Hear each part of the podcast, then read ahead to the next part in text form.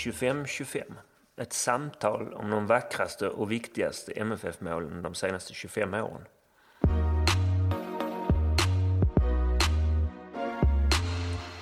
Vi som gör den här samtalsserien heter Tony Ernst och Henrik Zackrisson.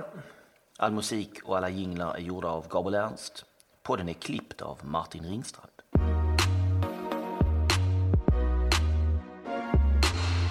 Den här podden görs på uppdrag av MFF Support med anledning av föreningens 25-årsfirande i år.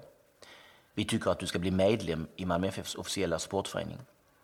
Gå in på mffsupport.com för mer information. Mål 11. Peter Idjes 3-2 borta mot HF 2002.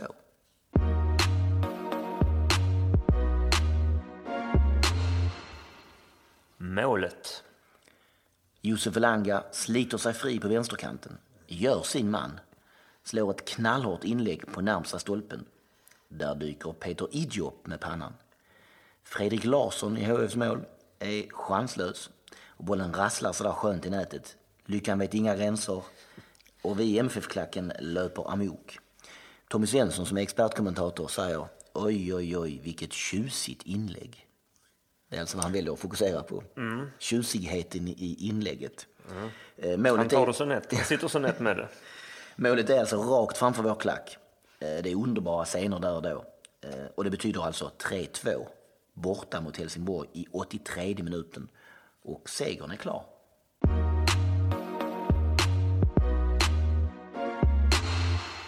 Tabelläget. Dags för Henrik att berätta lite grann om matchens betydelse och huruvida läget var prekärt och var vi befann oss i tabellen. Ja, läget är prekärt. Eh, inte på grund av att Prahl har tagit över inför säsongen efter Micke Andersson då. Eh, men det är ju för det första så att det är 2002, degraderingen, superettan-året, var ju fortfarande väldigt nära minne. Och vi fick en jobbig start på säsongen. Vi började med att förlora hemma mot Djurgården.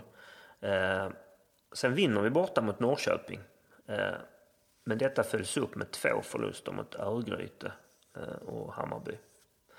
Så efter fyra runder eh, ligger vi näst sist Oj, faktiskt på de tre poängen. Sen slår vi Kalmar, klättrar upp på plats åtta, så det är ju inledningen av säsongen. Och sen så är det alltså framme vid omgång sex av den här matchen. Och faktiskt har Helsingborg också inlett knackigt det här året. De har bara en poäng mer än oss, ligger sexa på det. Och anmärkningsvärt är ju då faktiskt att leder gör Landskrona Boys. det här måste vara det året då i premiären när Boys slaktar HF 6-2 Ja, det är det nog ja. på eh, Landskrona IP. Ja. Eh, Efter den här matchen då, då eh, klättrar vi till fjärde plats. Det är ju såklart väldigt tätt eftersom det är inledningen av serien. Och, och till sist 2002 blir vi tvåa. Vi har ju chansen, får man säga, ganska länge. Men Eh, vi är till sist sex poäng bakom Djurgården.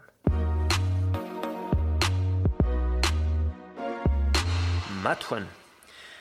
Vi är faktiskt det bättre laget i den här matchen. Eh, men det ser ju länge ut som att vi bara ska få eh, en poäng med oss. Som att vi ska liksom få nöja oss med ett oavgjort resultat. Ehm, två gånger tar vi ledningen, två gånger kvitterar Helsingborg. Skog gör 1-0 ganska tidigt efter en fin djupledsboll av Micke Roth. Han tar emot den och pangar in den med vänstern lågt. Sen kvitterar Alvaro Santos, en sån här typiskt mål som han har gjort många gånger. Eh, boll i djupled som liksom inte ser ut till att vara ämnad åt någon särskilt. Men så kommer Alvaro närmast joggande mellan mittbackarna och rullar in den. Många gånger, men inte lika många gånger som Rickard Tevero. Som ni som lyssnar på podden eh, känner till. Andra halvlek så återställer Idje, Peter Idje ordningen eh, med 2-1 precis i början av halvleken eh, när Hasse Mattisson spelar fram honom. Och han liksom tränger sig, knocklar sig förbi Det är inga dribblingar. Nej, två, tre är- HF går han igenom. Och så skjuter han in och tar något och går in. Ett, ett, ett, ett målskjutsmål. 2-1. Men di, nästan direkt därefter, 56 minuten, så lyckas Rade Pritsa göra 2-2 med ett av de absolut fulaste målen jag någonsin har sett. Han, han, han får en fin boll igenom och är liksom fri mot Lee Baxter. Och gör han mål där så är det väl ett okej mål. Men han skjuter, Lee Baxter räddar. Så kommer Daniel Majstorovic fram. Och, och sen så får han inte bort bollen och det är två, tre lägen där han skjuter och till sist kastar han sig liksom fram och trycker in den. Bedrövligt alltihopa är det. Eh, och då står man där och är aningen besviken trots allt med 10 minuter kvar fast man har oavgjort borta på på Olympia. Men så gör då Idjes det här 3-2 målet och allt är himmelsblått igen.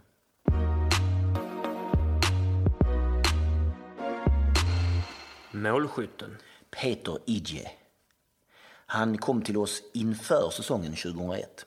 Då var han skyttekung i Nigeria. Klubben hette Julius Berger. Berger, låter som ett namn. Men så hette det. Eh, från Lagos till Malmö. Hade ju svårt att ta plats första året. Ehm, men 2002 då öste han ju in mål. Ehm, efter oss, ja, eh, då lämnar han ju för IFK Göteborg. Vi ska återkomma till detta. Spelar hos dem um, året vi tar guld, 2004. Därefter går han eh, vidare sen i karriären till FCK. Spelar bara ett år där. Sen har han tre år i Viking Stavanger. Där han faktiskt gör 39 mål på 78 matcher. Det är ett bra facit. Mm, det är ju precis ett halvt mål per match. Ja, då har han ju en makalös eh, match i slutet av en av säsongerna när Viking håller på att åka ur och tvingas vinna med 6-0 för att klara sig kvar. Och de vinner med 6-0 och gör typ alla sex eller något sånt. Det var en helt galen historia. Jag minns att jag läste i tidningen. Ehm, sen går han till Syrianska och sen avslutar han i Gais. Han är 40 år idag. Eh, I en intervju i våras i Göteborgs-Posten så visar det sig att han är arbetslös. Och det- står så här, arbetslös med svag fysik. Det låter inte alls bra. Eh, Och då säger han så här, jag lever men jag är också död. Jag är ett dött spöke som fortsätter gå. Och det där låter ju förskräckligt. Verkligen. Ja. ehm, han lever isolerad i hemmet i Lerum, som jag antar är en, någonstans i Göteborg. Hittar inget nytt jobb. Mm, gnäller lite grann över att det här, hela den här soppan med Malmö IFK Göteborg, pengarna, skattehärvan, som vi också ska återkomma till, att det liksom ligger han i fatet, ingen vågade satsa på honom efter det. Eh, intressant i den här Göteborgs-Posten-artikeln, från i våras alltså, är att han ändå minns tiden i Malmö med värme och pratar väldigt väl om partnerskapet med Niklas Skog. Alltså att de gjorde så himla många mål och assist tillsammans. Men det är ju också hans sportsligt sett stora. Nu vet vi inte hur det ser ut i Julius Berger, men Nej, Nej det, det, så är det ju. Han, eh, han eh, har sina största framgångar när han vinner skytteligan just detta år, 2002.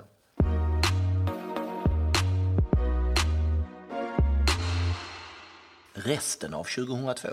jag var lite inne på det innan, men där ute har vi faktiskt eh, efter den här knackiga fyra första omgångarna etablerar oss som ett topplag.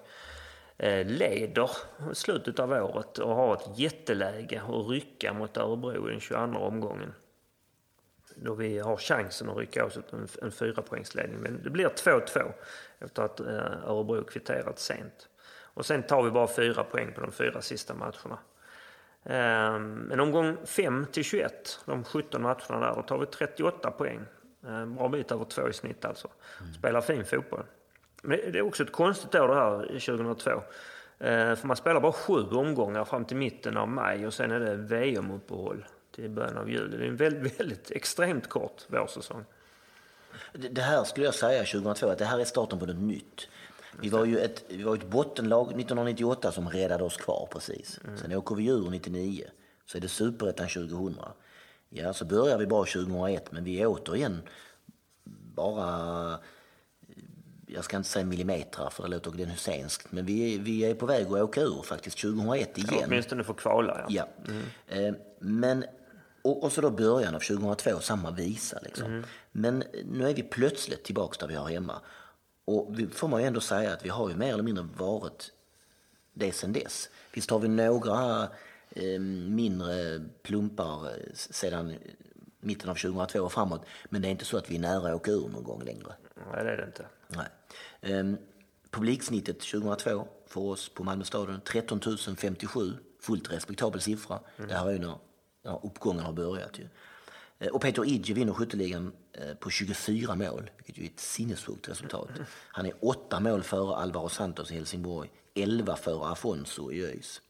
Eh, Niklas Skog vinner assistligan på 11 passningar, så det var ju ganska tydligt här vad det var, vad det var frågan om, det här partnerskapet. Och då kan man ju fråga sig faktiskt hur, hur, om man räknar assist på precis samma vis då som nu. Det gjorde man kanske inte. Nej. För att jag gissar att kanske Niklas Skog med, med dagens lite mer liberala sisträknande hade haft ännu fler. Det är bara en gissning. Ja, Men så är det säkert.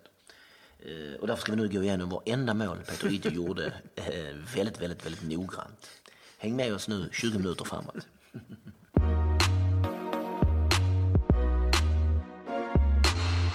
Hasse Mattisson. Ja, det är Hasse Mattisson som slår passningen till Idjes eh, 2-1 mål i den här matchen. Eh, Han är kapten i laget och är väl rent allmänt en av de viktigaste spelarna under det här året och den här eran. Kommer till oss från Husie 95 eh, och stannar hela vägen fram till sommaren 2006 då han ju försvinner till Halmstad. Eh, 45 år i år. Eh, allsvenska matcher 201 och 21 mål. Betydligt fler om man räknar alla matcher. Har ju en egen sång, måste väl få lov att kunna kallas på riktigt en ikonisk MFF-spelare. Absolut. Omtyckt av alla supportrar. Eh, Hans, Hasse Mattissons viktigaste mål i Malmö FF det är antagligen eh, inte ett allsvenskt mål utan det är ett superettan-mål. Och det är när han gör 2-1 borta mot Brage i oktober 2000. Det är där vi säkrar eh, återtåget till allsvenskan. Ju. Eh, skjuter oss tillbaka till allsvenskan. Den här matchen vinner vi sen med 4-2. Men vi hade legat under med 1-0 och det var lite troll i det. Vi hade kvitterat 1-1 Elanga Langa och så kommer Hasse Mattisson och gör 2-1. Ehm, en annan fin grej jag tänker på när jag tänker på Hasse är ju när han 2004 lärde Afonso skånska. Eh, ord som fubik, kludderöv och hossor. Eh, Hasse Mattisson alltså.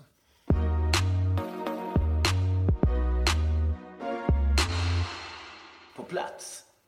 Ja, vi sitter här med eh, lagkaptenen under den här matchen, eh, Hasse Mattisson. Eh, kommer du ihåg det här målet? Det är alltså Peter Idjes 3-2 på Olympia mot HIF 2002. Ja, men det gör jag. Jag kommer kanske inte ihåg hela upprinnelsen till bollen hamnar nere vid, eh, i vår spelriktning, vänster hörnflagga ungefär, där Langa kommer ner och eh, egentligen skjuter in bollen. Och sen Idje stöter in den. Och matchen i sig var nog rätt så... Den var grym att spela, jag förmodar att den var grym att titta på också. Och att liksom få det avgörandet eh, sent i andra halvlek, det var, det var mäktigt. Och det målet görs ju mot eh, vår klack också. Just det. Där har man eh, gjort ett antal matcher och eh, man har rätt många goda minnen. Men det är någonting där, jag kan inte komma ihåg vilket år det var, men jag kommer ihåg när vi kom ut och värmde upp att det var något nytt. Att när vi värmde upp så var klacken med liksom. Att förr hade de varit tysta. Det var när matchen satte igång som man satte igång. Men här var man med i uppvärmningen också. Det var en rätt bra boost. Jag kommer inte ihåg vilket år, men jag förmodar att hela den matchen gick rätt så bra sen.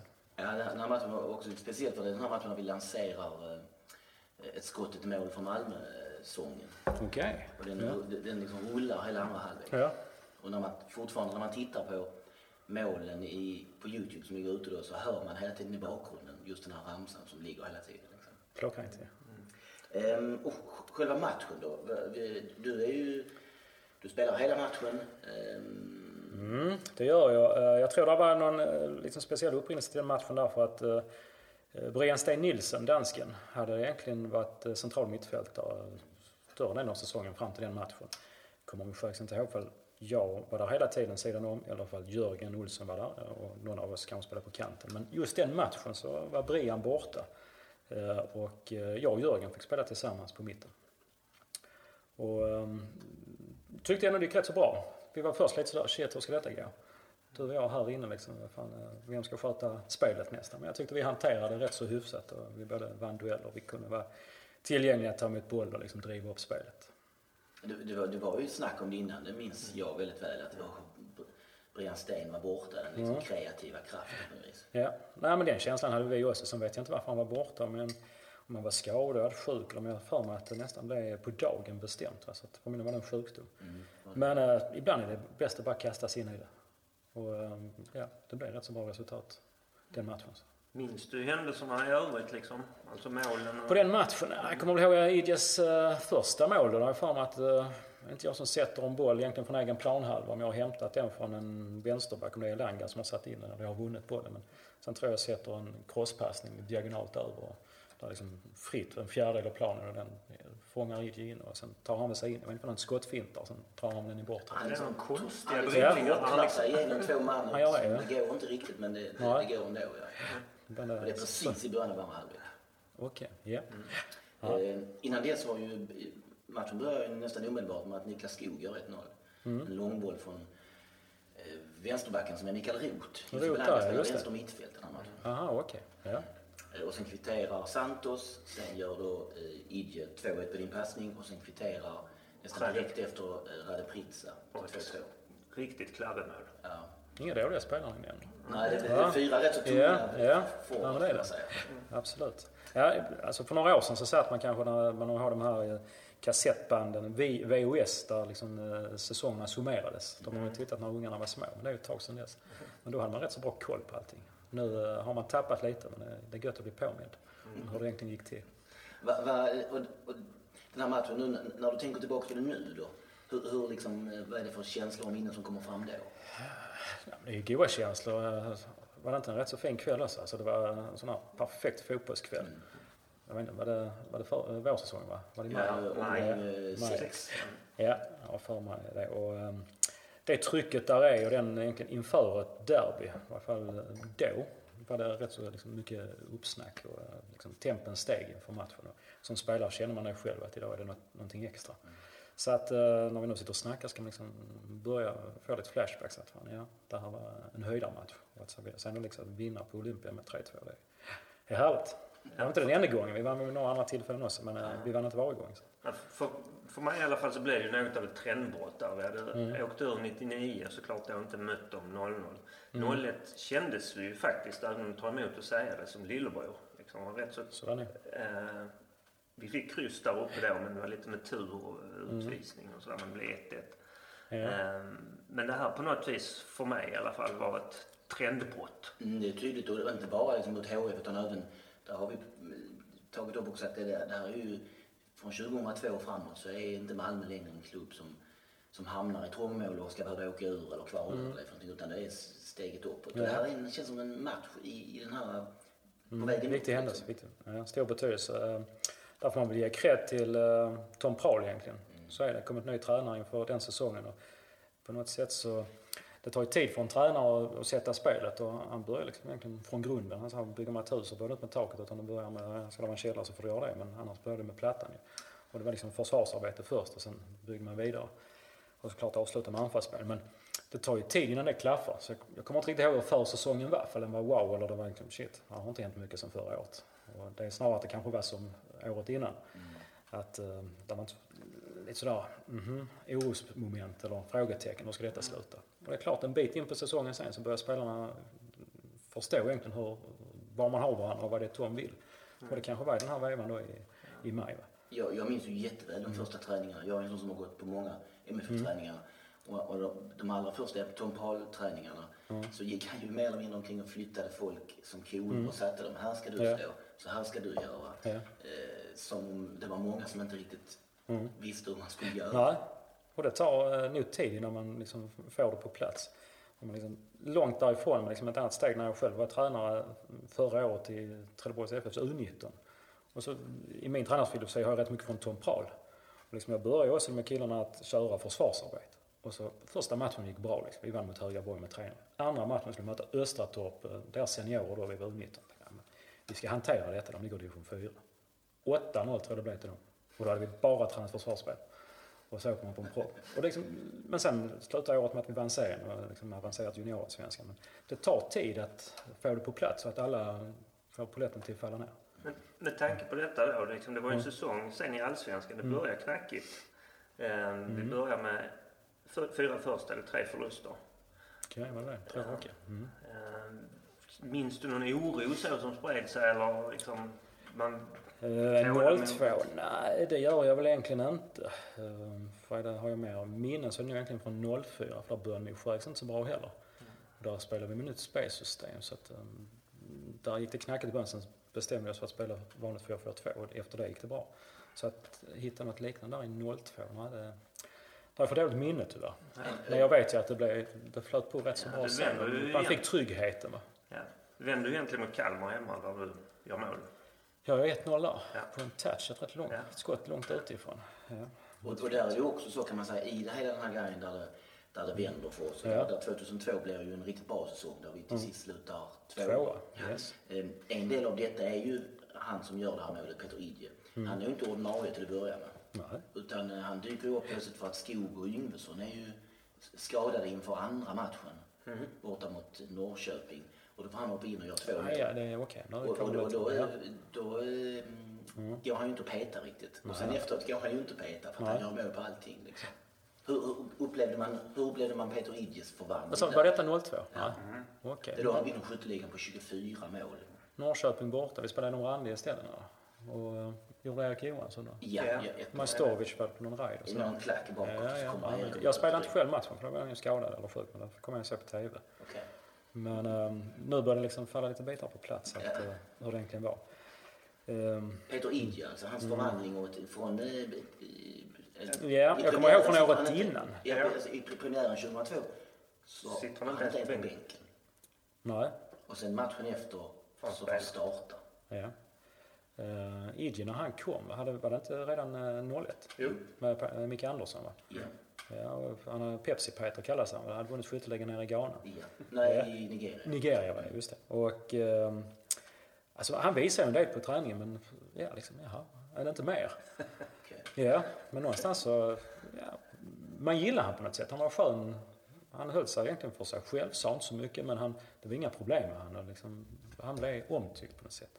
Sen kommer jag inte ihåg varför han, det är klart det är tuff konkurrens under Skog och, och Yngvesson. Och, hade vi inte någonting? Liljenberg. Liljenberg var också där va? Sitter ju en väldigt ung Marcus Rosenberg också där va. Så att eh, det är klart tuff konkurrens man kan spela på de säkra korten där. Men ja, någonstans när anfallare har de levererat tidigare. Det handlar väl om trygghet och lite självförtroende. Så om han då får chansen och han då gör mål när han får chansen så det kan det ju rinna på. Mm.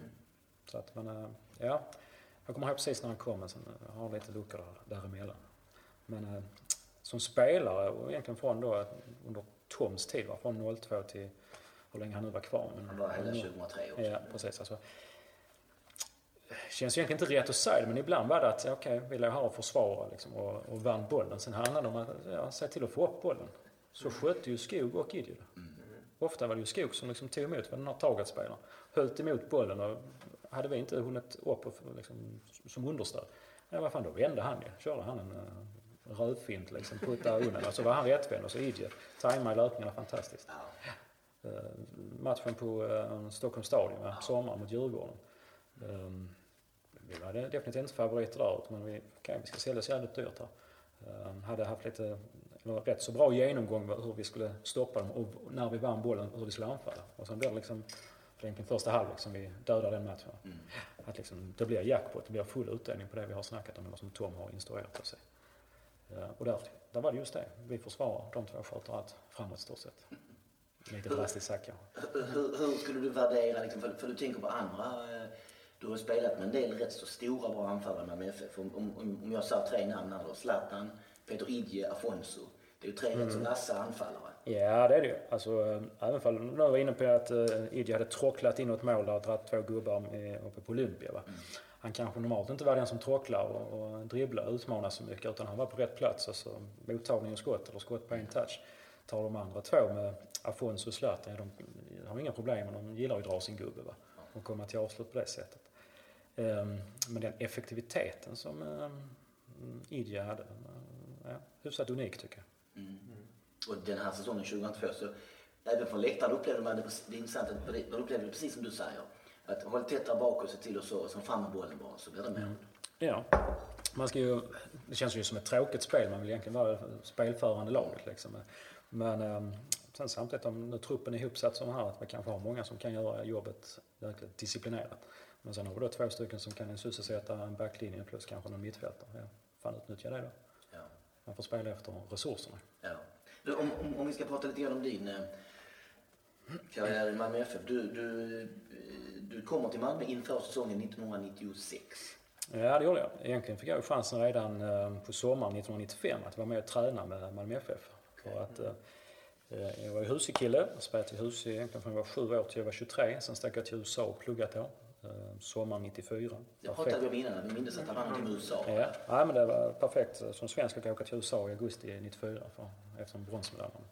Jag åkte dit och studerade där på en skola utanför St. Louis. Eh, Husie, vad hade vi för tränare då? Det var egentligen inte Tommy Hansson. Eller så var det han som hade tagit över när jag kom hem på, vintern, vinterledigheten så tränade jag lite med hus inomhus. Då var det Tommy Hansson som sa du, ja, vi får se om vi inte kan fixa något uh, provspel med Malmö FF till dig. Så uh, ska jag kolla, så. Ja, ja. Sen åkte jag tillbaka till USA och var där fram till mitten av maj. Och då spelade du någon sorts collegefotboll? Nej, jag gjorde inte det. Jag tränade med mitt collegelag, Lindenwood College heter det. Ja. Men på grund av någon akademiska regler där jag inte blev antagen som någon transfer student, okay. som jag var tvungen att vara, som jag hade studerat i, i Sverige först, ja. så fick jag inte spela utan jag bara träna med skolan. Mm. Men visst, man håller igång. Och de, trä, de tränar ju varje dag ju. Mm. Det var inte uppehåll en dag i veckan utan måndag till fredag mellan, tränade i tre timmar, mellan 15.00 till 18.00. Okay. Både på plan och i gymmet där. Men å andra sidan gjorde man det bara under hösten. I USA får de inte ha, vad fan till fotboll, i soccer får de inte ha um, gemensam träning under våren. Kanske ändrat nu men på, för 20 år sedan så var det inte så.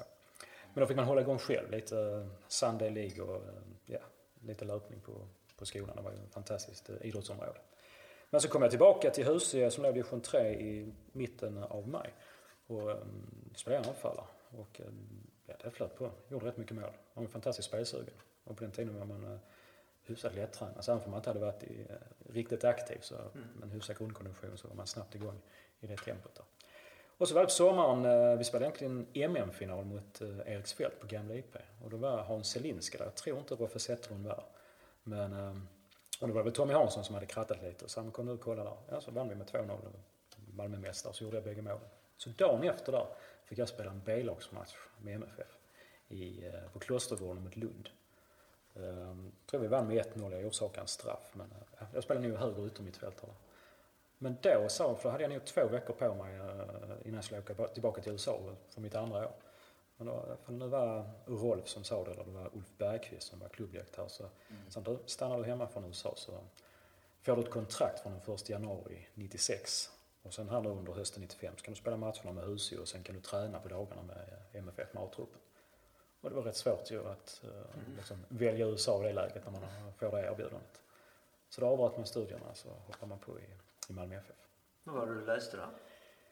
Det heter ju Business Administration och eh, sen ska man ju planera sina fyra år som den utbildningen tar. Där är lite sådana allmänbildande ämnen som man måste läsa. Så att, eh, jag la väl krut och skulle komma in i det lite lätt första mm. året. Så att, visst, jag läste lite accounting och marknadsföring men sen var det lite US history och jag vet inte om det var geologi och lite annat som jag, om jag bara ska vara rätt år har det inte varit det. Men ja, man, man delar upp det så. Ja. Du var MFF-are eftersom du bodde i Malmö? Ja, absolut. Det var det Egentligen hade man ju bara, det var ju bara hus IF för ögonen. Det var, man bodde där ute, det var det enda man var. Men jag tror att någon gång när MFF började sin storhetstid på 80-talet med Roy Hudson och Stefan Schwarz och Jonas Tern, Jocke Nilsson, eh, Roger Ljung, Martin Dahlin, eh, Håkan Lindman, eh, Per Ågren, Johnny Fedel, alltså de här. Fotbollsuniversitetet också, kanske startade något år senare. Men då började jag liksom, ja, Malmö FF, farsan tog med mig på någon match och sådär. Så att då blev man ju definitivt himmelsblå. Och så, och så kommer du, och du tränar med Malmö FF på hösten 95 där då alltså? Ja det gör jag, så spelar jag kvar i, i hus i division 3. Men hur var det att komma och träna med, med Malmö FF? Ja, det var rätt stort ju. Det var det. På den tiden var det väl lite så här att de hade två omklädningsrum. De som hade A-kontrakt och de som hade B-kontrakt. Så jag kom inte rätt in i A-kontraktet. Okay. Men jag kom ju in i B-kontraktsrummet. Va? Och då tror jag de hade flyttat upp uh, Olof Persson och var det inte en hel del 77 år. Danne hade de tagit in från Bjärred året innan, eller jo, året innan. Uh, Michael Wusse var där, Goran Trapevski, Marcus Vapil, uh, Yxel måste väl varit där. Mm. Ja, så att liksom man kom in i det gänget och sen var det någon av de äldre då, framförallt var det nog Robert Prytz och Niklas Nylén, Fjällström och Jonny va, som ändå på något sätt välkomnade mig och tog hand om mig. Tror jag att jag hade rätt stor hjälp av att eh, en annan före detta MFF, Anders Olsson, eh, var väl lite polare med dem och ja, hade berättat lite om mig och säkerligen sagt till sig till att ta hand om Hasse när han kommer dit. Så att jag hade nog rätt så lätt liksom, väg in ändå, det tror jag. Och, och så är din första säsong är 96 då? Alltså det är under 96, ja. Roffe sista år där. Um, ja, det blev inte så mycket speltid. Nej. Roffe han körde med egentligen sin 11. Han kunde byta position på vissa om det inte funkar. Och det, det köper jag. Alltså de var, det var jäkligt bra spelare som var där tyckte jag. Um, och på de positionerna när jag konkurrerade var Niklas Nylén kvar 96 och han stack på Pettersson stack 95 va? så Niklas Nylén stack väl 96. Vi tittar på varandra här, osäker. Jag tror att Nico var kvar va? Eh, och Fjällström var på den andra är kanten. nog? Ja, ja. Och jag konkurrerar som yttermittfältare. Så, hej, ja, liksom, de slår mig liksom inte ut. Men jag fick eh, lite lustigt att jag tror det var på Uefa Cup-kvalet och det var egentligen på höstsäsongen då. Så eh, kom väl Roffe och vi visste vi hade mött dem en tisdag och sen är det väl 14 dagar senare man har bortamatchen. Men, eh, Ben Boyken, den är ju Mm. den utvisad eh, hemma. Ja, just det. ja. Nej, eller var det det? Var det Slavia Prag? Ja, men, Nej, jag kommer inte ihåg riktigt, men vilket fall som helst. Jag hade liksom inte varit påtänkt. Jag tror nästan jag satt på läktaren på den matchen. Ja. Eh, alltså Men så kom han då på söndagen när vi skulle åka till Prag på måndagen och spela på tisdagen. Så hade vi eh, tränat och vi hade middag på eh, Scandic vid Konserthuset. Och där skulle vi titta på en video. Nu hade han sjabblat bort Roffe för videon, jag vet inte. Missat att ta av linsskyddet på det han hade filmat. Eller, ja. vi, fick inga bilder. vi fick bara ljud i varje fall. Men skitsamma, han hade en dragning. Och då säger han att Hasse du startar till höger på mitten. Oj. Söndag eftermiddag där och man varit ute med husgepolarna på lördagen liksom. Ah, shit, nu ska jag rätt in och inte i Allsvenskan utan är det Uefa-cupen. Så att, men kanske samma sak där. Det är bra att bara kasta sig in, rätt in i, i grejer. Va?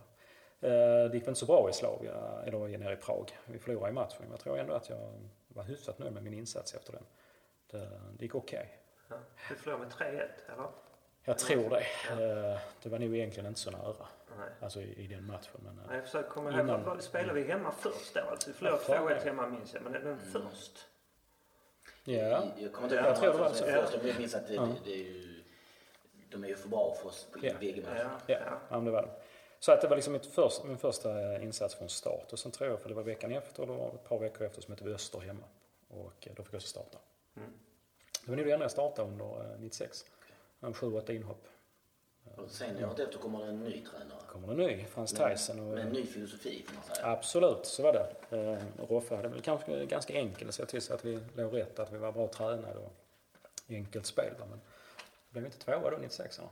Jo, Namnskog gjorde något mål som vi tog andra platsen och precis. räddade Europaspel. Det var inte fler platser i Europa.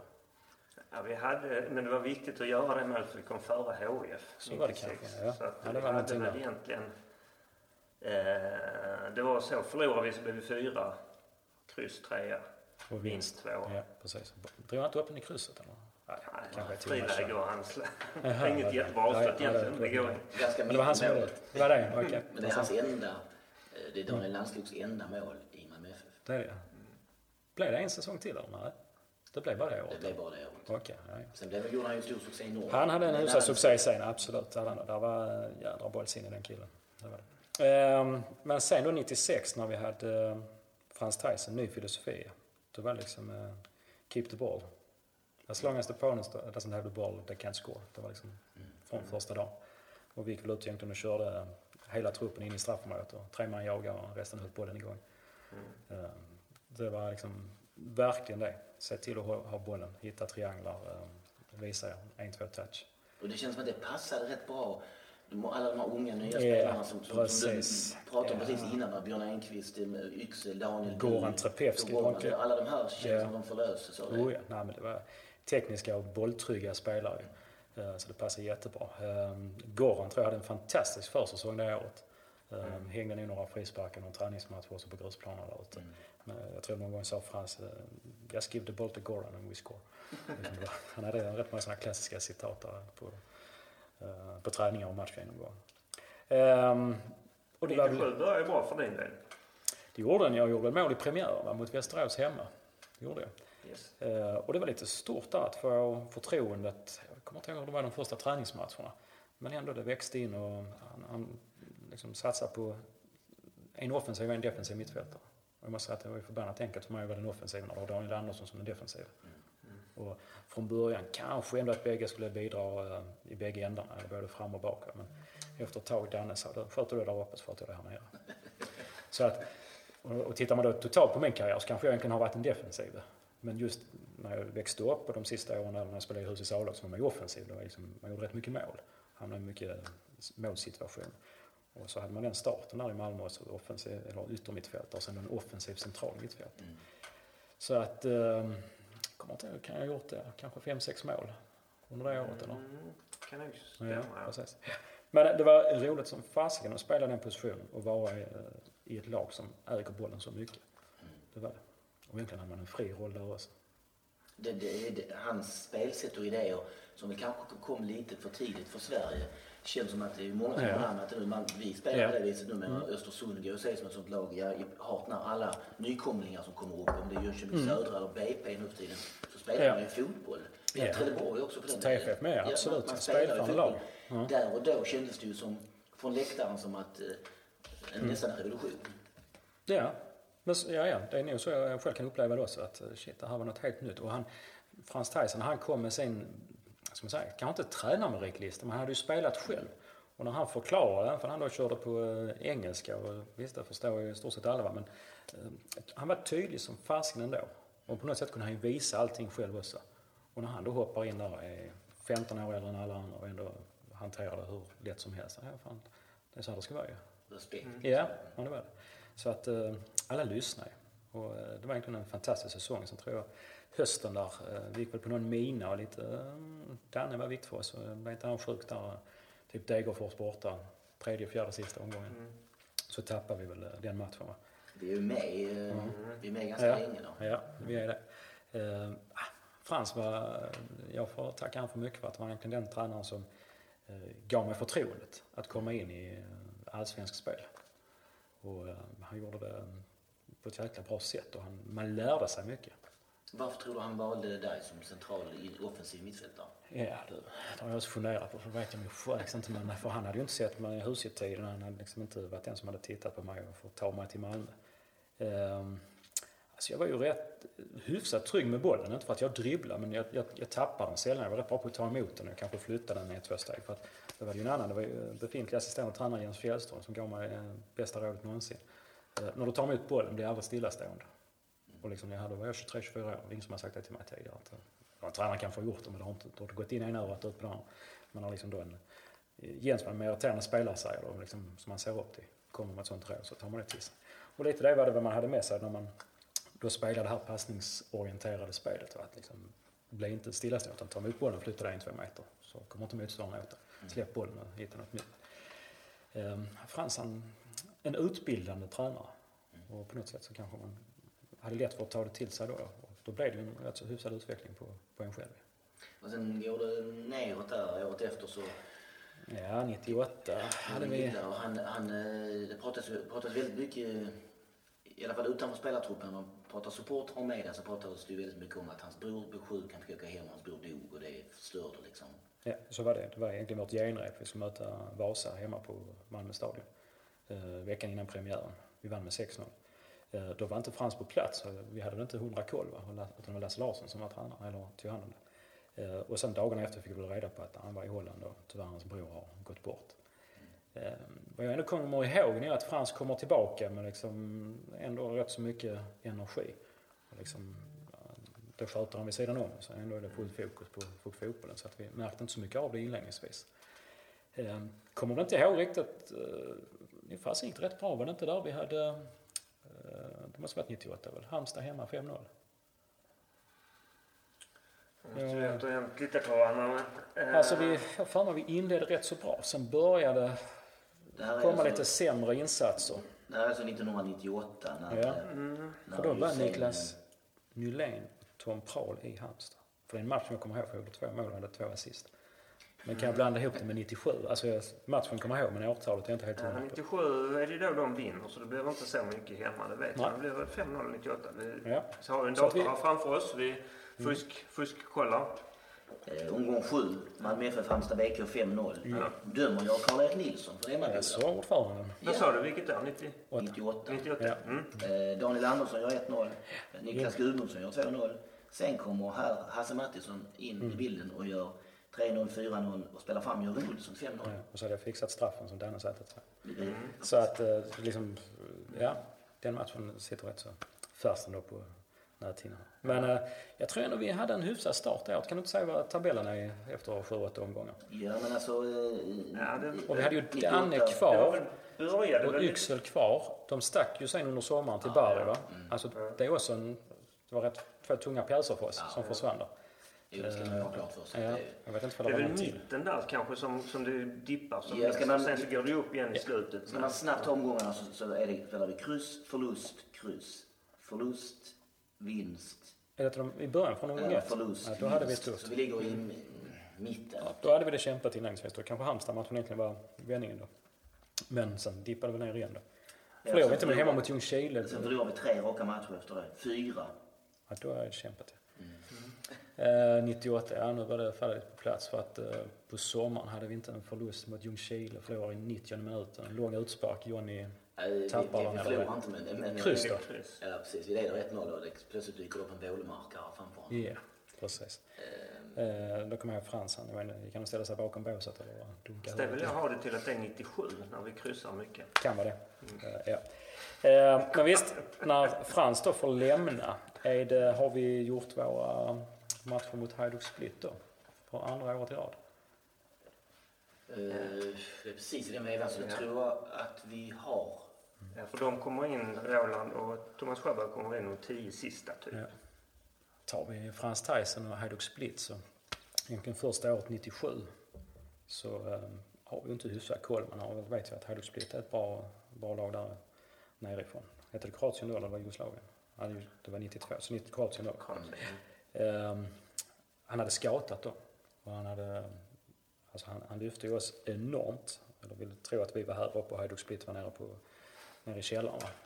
Han liksom, We are much the better team. We're gonna murder them, sa han. Jag vet inte om ni var på plats och såg matchen där nere. Nej. Det var- Nej, men eh, och Yxel, it's not a question. Ja, det var kanske till hela laget. Yxel sa han, Yxel, they have such slow defenders. Okej? Och det var inga dåliga för försvarare. It's not a question if you're going to win or not. It's a question about how many goals we're going to score. Och de som har sett den matchen vet att vi leder med 2-0 mm. Eh, fram till 78 minuten. Sen förlorar vi med 3-2. Eh, min känsla var att vi sprang och jagade boll i 89 minuter. Vi hade ett frisparksinlägg som var det Virmala som sprang på den och Gudmundsson gjorde ett mål.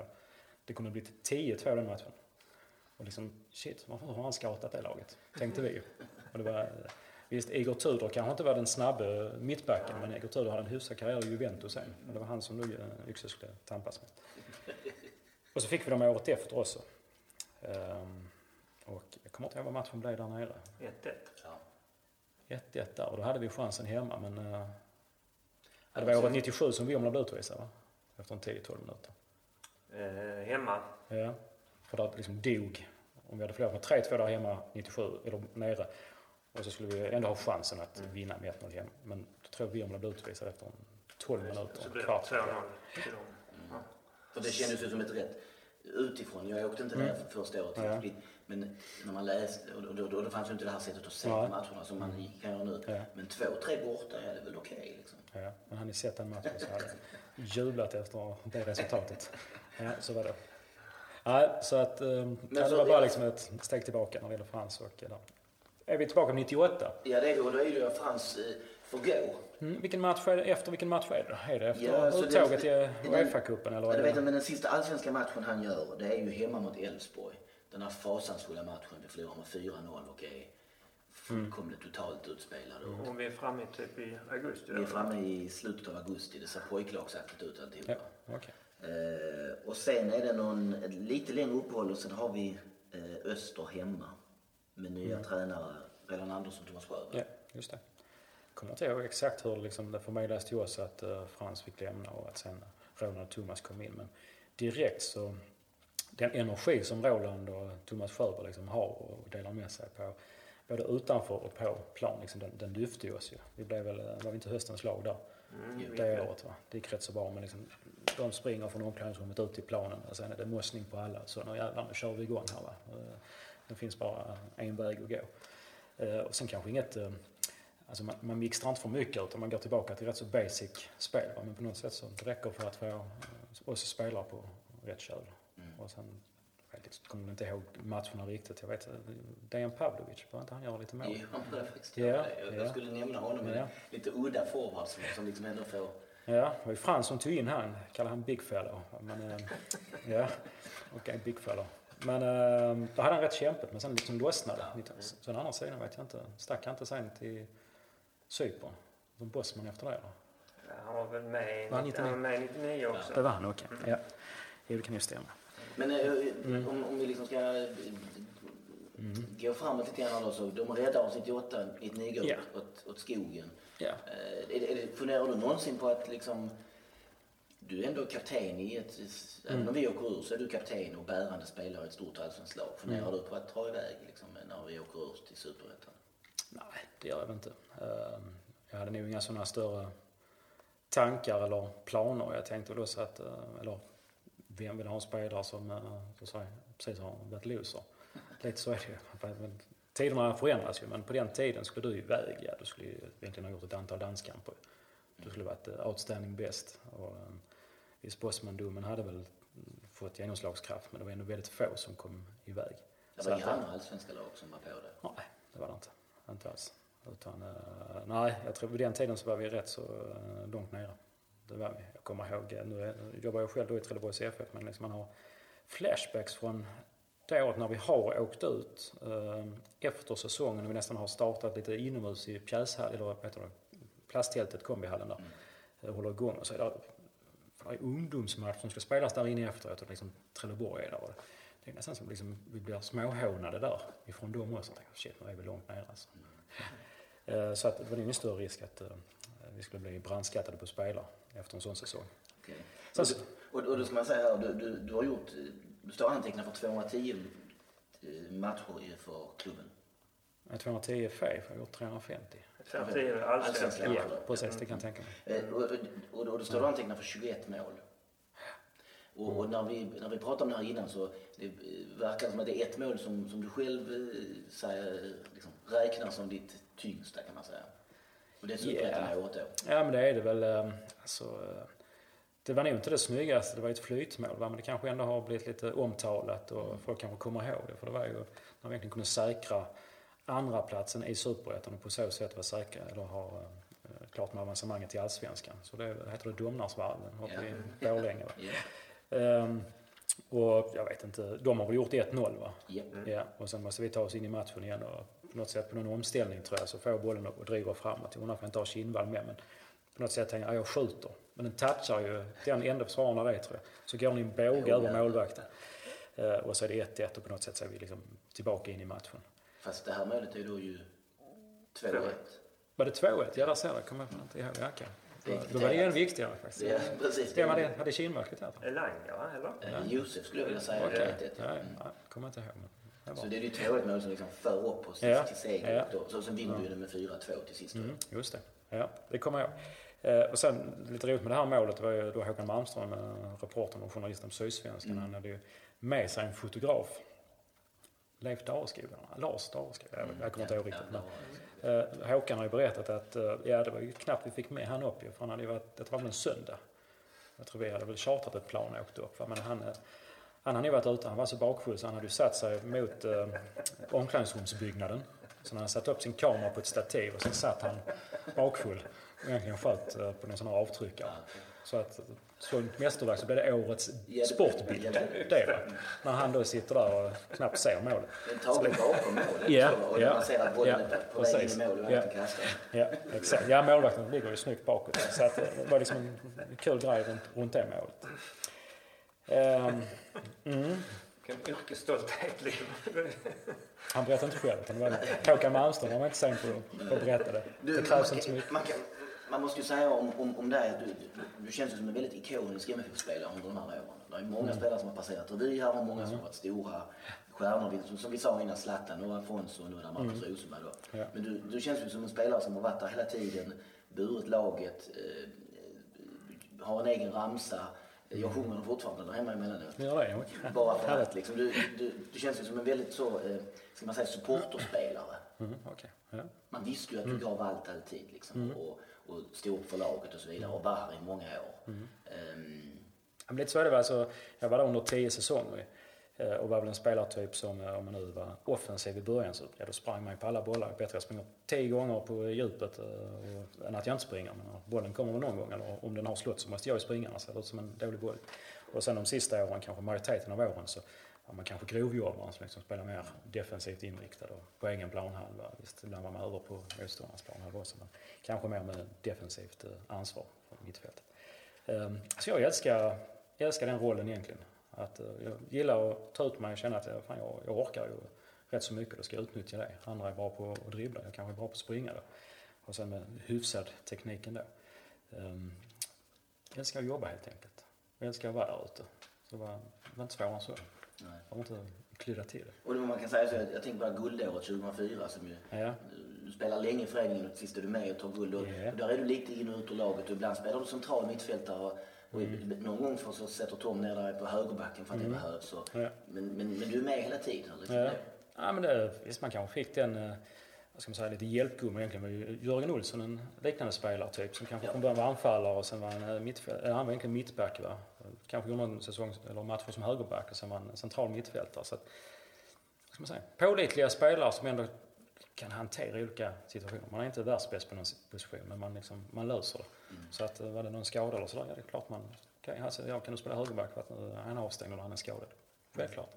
Han sa ju inte, nej det gör jag inte. Nej. Nej, men man ska få fråga något menar jag. Man hade inte frågat Ja, Peter nej.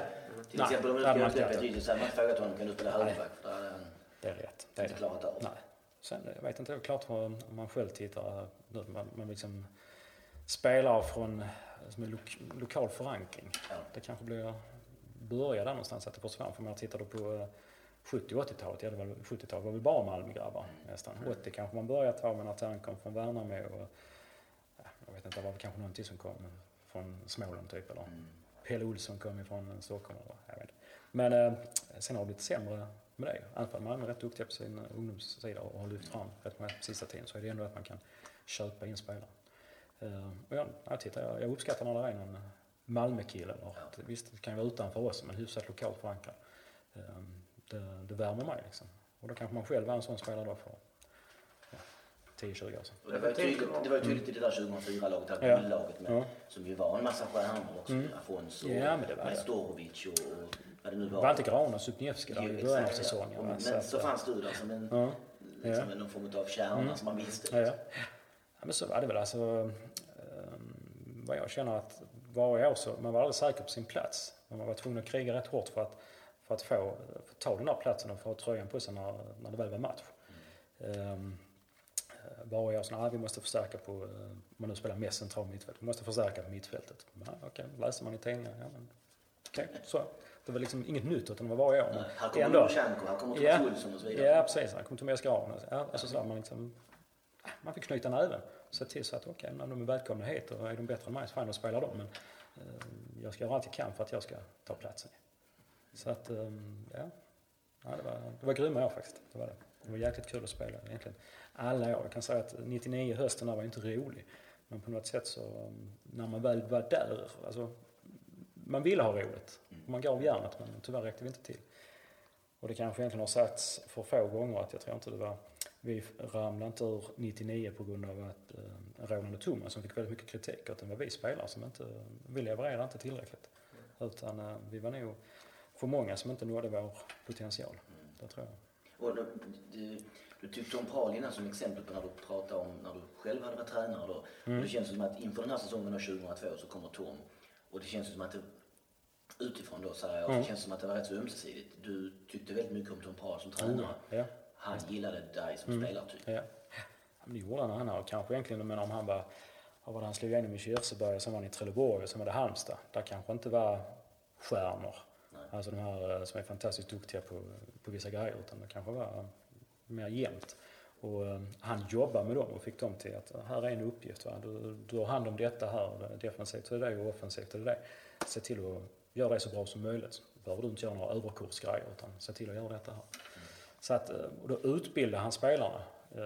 Samtidigt som han var jäkligt tydlig inför med alla vad, liksom, vad som krävdes i de olika rollerna. Så att, det var väldigt få frågetecken och man fick ju större förståelse för de olika positionerna eller hur de olika lagdelarna ska jobba. Rent personligt, eh, ser du det som dina bästa år också, de under Paul? Vi nämnde innan att du gjorde mycket mål 97. Ja. Alltså första året med Frans Tyson egentligen tycker jag att jag hade någon, i alla fall rätt bra match för den över 98. Eh, Sen kan man nog ha gått ner sig lite va. Eh, Men när Tom kom så, en jävla nytändning och vad var jag då? Han 2002, fan jag var 30 år skulle jag bli det året. Alltså han kom med, tips eller instruktioner som man inte har hört från någon annan tränare. Så att man kan liksom nästan vara lite förbannad liksom så här, vad fan fick jag inte reda på det tio år innan? Men eh, han liksom kom med goda instruktioner som gjorde att fan, det är mycket enklare att spela. Som till exempel... Nej, men om du är mittfältare, det låter rätt simpelt, men om det inte är någon som har sagt till dig, så när du liksom springer och möter, eh, ska hjälpa till i uppspelet, du ska hämta en boll från en, en back. Kom inte spring med ansiktet rakt emot, utan och, Eh, när du får bollen så ska du vända 180 grader, utan kom halvvänd, visst har man tränat, men så slår han men kom i vinkel. Alltså kom inte rakt ner, kom ut en bit, ta emot bollen och spela på nästa touch. Ja, fan mycket enkelt. För motståndarna var ju ofta om de om jag skulle springa och möta rakt fram, ja då var han ju uppe i ryggen ju. Men om jag helt plötsligt gick ut i vinkel, okej, oj, där gick han ut där. Nästa gång ska jag vara med. Ja, men jag gick jag på andra hållet. Alltså han, man skaffar sig själv tid ju. Och det var ingen tränare som riktigt hade tryckt eh, på det tidigare. Du, När du säger det här, du var 30 då, 2002. Du är en ganska late bloomer då får man säga. Ja, men det är född 72 och kommer till Malmö, ni- ja, testade då 95 va, men egentligen kontrakt 96. Så att, ehm, det tror jag i inte har hänt sedan dess, att man har tagit in en från division 3 Nej, till nej. eh, allsvensk eh, och egentligen då om man 96 blev, 92, 95 vad blev man då? Blev man så tvåa, trea. Ja, är du 23, 95? Ja, men liksom att komma till allsvensk toppklubb Ja. från division 3 i den åldern. Ja. Jag tror att Tom Prahl kanske plockade några spelare som han tog till Halmstad. Så var de också med i toppen och till något SM-guld där. Eh, 98 och 2000. Men äh, ja, late Va- bloomer. Var, Varför? varför, varför tror du du, du var det? Varför var en late bloomer? Jag vet inte. Ehm, Borde du ha fått chansen tidigare någonstans? Var? Alltså jag, jag vet att eh, innan jag stack till USA så eh, var ju Tom Prahl och tittade på eh, en hel del Husie-matcher. Det var faktiskt en story att mina, mina två systrar de skulle iväg på någon resa samtidigt som jag stack till USA. Och Trelleborgs FF spelade ju de här matcherna mot Blackburn. Så jag tror de satt samtidigt, mina systrar och TFF, på svävaren till Kastrup. Och min äldsta syster då, som faktiskt fyller 50 år idag, men hon, hon sa eh, till Tom Prahl liksom, sådär lite eh, aggressivt. Ja, varför tog ni inte Hasse? Nu har han stuckit till USA. Typ, det kommer du ångra. Var inte den stilen. Det sa, och då var det ju 94, liksom, då var jag där. Och sen blev man spelare i Malmö FF två år senare. Så möter man Tom 2002 istället. Kommer han att- ihåg det? Eh, jag tror, jag har frågat honom, men han, ja, han vill inte erkänna att han kommer ihåg. Men, eh, ja. men han hade varit, Tom var nog som tränare precis som, eh, var det inte Viggo Jensen i Malmö innan min tid, men var ute och kollade rätt mycket på småklubbsfotbollen. Och Tom var nog ute och kollade rätt mycket och så letade talanger där. Det gjorde han. Så att, eh, han har nog koll på en, tror jag. Så kanske han inte erkände det just där. Men, äh, men tränare som liksom, jag hade ju Janne Andersson även när jag hade lä- lämnat Malmö och var uppe i Halmstad. Att tränare som lägger ner den tiden på att förbereda både träning och eh, inför matcher och gör det på ett sånt tydligt sätt och lättförklarar så att det egentligen inte är några frågetecken. Liksom, känner man att de har lagt ner det engagemanget som spelare så fan, här, här måste jag verkligen bjuda till. Då vill man ge tillbaka någonting. Så att, ehm, ja, det, det passar mig väldigt bra. Apropå Halmstad då, så är du ju med. Halmstad och möter MFF tre gånger. Mm, just det. Ehm, Känner du supportrarnas kärlek ändå liksom? Under dem? Ja, Det gjorde jag i varje fall. Alltså, jag kommer egentligen bara ihåg två matcher. Det blev det inte en vinst, ett kryss och en eh, förlust. Jo. Ja. Så krysset och eh, vinsten kommer jag ihåg. Den där förlusten, jag har nog något minne. Det var inte Emil Halfredsson var med? Jo, det. ja. Jag minns att du, du får blommor från en sport tror jag. ja, nej, det, är- då blev det kryss va? Okej, det är kanske Det är, eh, nu måste jag tänka här. eh, 2006, augusti. 2006 är kry- krysset ja. Ja, så att, nej, den kommer jag definitivt ihåg. Att få uh, hyllningar från uh, tidigare klubben på nya klubben. Alltså, supporten gör det på bortaplan. Uh, hyllar mig där. Jag tror egentligen det var liksom så pass arrangerat att det var mikrofon och intervjuer och grejer. Ja, så det. Uh, rätt Det schysst av känns- Halmstad att uh, tillåta det också. Men uh, det var stort. märkligt att se dig springa omkring i, i, i den där tröjan, man säga, för- som supporter. Ja. Ja, Jag trodde väl egentligen att jag skulle, att jag skulle lämna Malmö. Men vi hade en situation, eh, Sören Åkerby var tränare i Malmö FF eh, 2006. Eh, Jag hade inte spelat så mycket. Under våren tror jag nog var skadad en hel del. Så att mm, en naturlig grej var att man inte spelar. Och, och klart det blir naturligt nästa dag då så att då kanske inte Åkerby vågar satsa på en. Va? Alltså att man är lite in och ut och sådär. Och där är andra som har tagit chansen och, och tagit ens plats. Men eftersom jag satt på ett utgående kontrakt så det var liksom min tanke, här, okej om jag inte får spela under hösten heller, eh, vad gör jag när säsongen är slut? Har jag inte spelat, har jag inte fått möjlighet att visa upp mig för någon annan. Förmodligen är Åkerby kvar så får jag inte något nytt kontrakt här. Eh, och ingen annan klubb vill ha mig. Och när då Hasseborg kommer med först Häcken och sen Halmstad så tänkte jag, ja det är nog en chans eh, jag bör ta. Och i det fallet så är jag nog rätt glad att jag tog chansen att det blev Halmstad istället för Häcken. Det var eh, Halmstad, tror jag, liksom, nog inget större eh, vad ska man säga, agg mellan Malmö FF och Halmstad. Det kanske inte är mellan Häcken heller. Eh, Halmstad är ändå eh, de hade sina SM-guld eh, några år tidigare. Va? De hade varit ute och gjort de här eh, Uefa Cup-matcherna. Framförallt mot Parma. Så jag tror det var en rätt god bild. Jag hade det i varje fall. Mm. Plus när man då kommer dit att man får alltså, en småklubbskänsla eller familjärt från att egentligen vara storklubben och sen komma till det. Eh, rätt värdefullt att få den bilden också. Och trivdes väldigt bra i Halmstad. Jag har svårt att säga att någon spelare skulle misstrivas där. Mm. kan ju säga på utvecklingen som Marcus Rosenberg hade. Ja. Mm. Och då, om man nu hade en, liksom en kick när Tom Prahl blev tränare 2002. Så när man kommer upp till Janne Andersson som egentligen är stöpt i samma form och samma typ av tränare. Eh, men liksom, ja, en utbildande tränare liksom, kryddade lite extra. Så ja, då mådde man rätt bra ändå. Jag får kolla på svenskfotboll.se. Du spelar i princip varje match under de ett och ett halvt åren. Ja. Helt ordinarie. Ja, där, jo det var jag. Eh, när vi kom dit så kämpade vi nog rätt så mycket för överlevnad. Mm. Eh, klara kontraktet året och det gjorde vi nog uppemot Gävle. Rätt sent in på säsongen. Men det var en stor lättnad där. Och sen samma kväll tror jag de gick ut med sa du vi vill ha det 2007 också. Mm. Ja, hade inga andra alternativ så tänkte jag ja, men då kör vi på det. Um, och sen 2007, vad fasiken ville jag, uh, tror det var 25 augusti. Uh, då ledde vi serien och mötte IFK Göteborg hemma och uh, förlorade den matchen. Samtidigt så blev vår finska målvakt Mattias Bane korsbandsskadad. Där dippade vi sen. Kan vi ha blivit femma och Malmö sexa? Eh, vad är vi det? 2007 blev vi mm. så långt som ner som nio. Nio till och med. Okej, okay, kanske vi blev sexa här till Men, och det var väl det året kanske som jag var på stadion. Om vi nu går tillbaka och man kände värmen från supporterna. Så mm. När man då kom in och fick spela på Malmö stadion fast med fel tröja så var det, det var liksom inga burop utan det var Nej. applåder vid line-up och det var applåder efteråt trots att vi då hade vunnit. Mm. Så att, eh, ja, det var en, en god känsla. Det var det. Vad va, va, va gör du idag? Väldigt kort. Idag, eh, sedan nästan två år tillbaka, så är jag i Trelleborgs FF. Jag kom dit där som eh, egentligen 50% U19-tränare och 50% jobbar med försäljningen eller marknad och sponsorerna. Eh, sen årsskiftet så, så under denna säsongen så har jag egentligen jobbat 100% med eh, försäljningen och sponsorerna. Eh, TFF är väl i en fas där man liksom vill ta nästa kliv. Eh, eh, Sportsligt har man väl satsat, man har gett resultat. Några kämpiga år Eh, i division 1 och sen ändå upp i Superettan och nu hägrar liksom en kvalplats mot allsvenskan. Men samtidigt så måste ju allting annat också lyftas och en sak är ju klart att blir en attraktiv, attraktivare klubb för företagen, framförallt i Trelleborg men även i, runt omkring och till och med mot Malmö. Eh, så därför la man la krutet på att jobba 100% med det.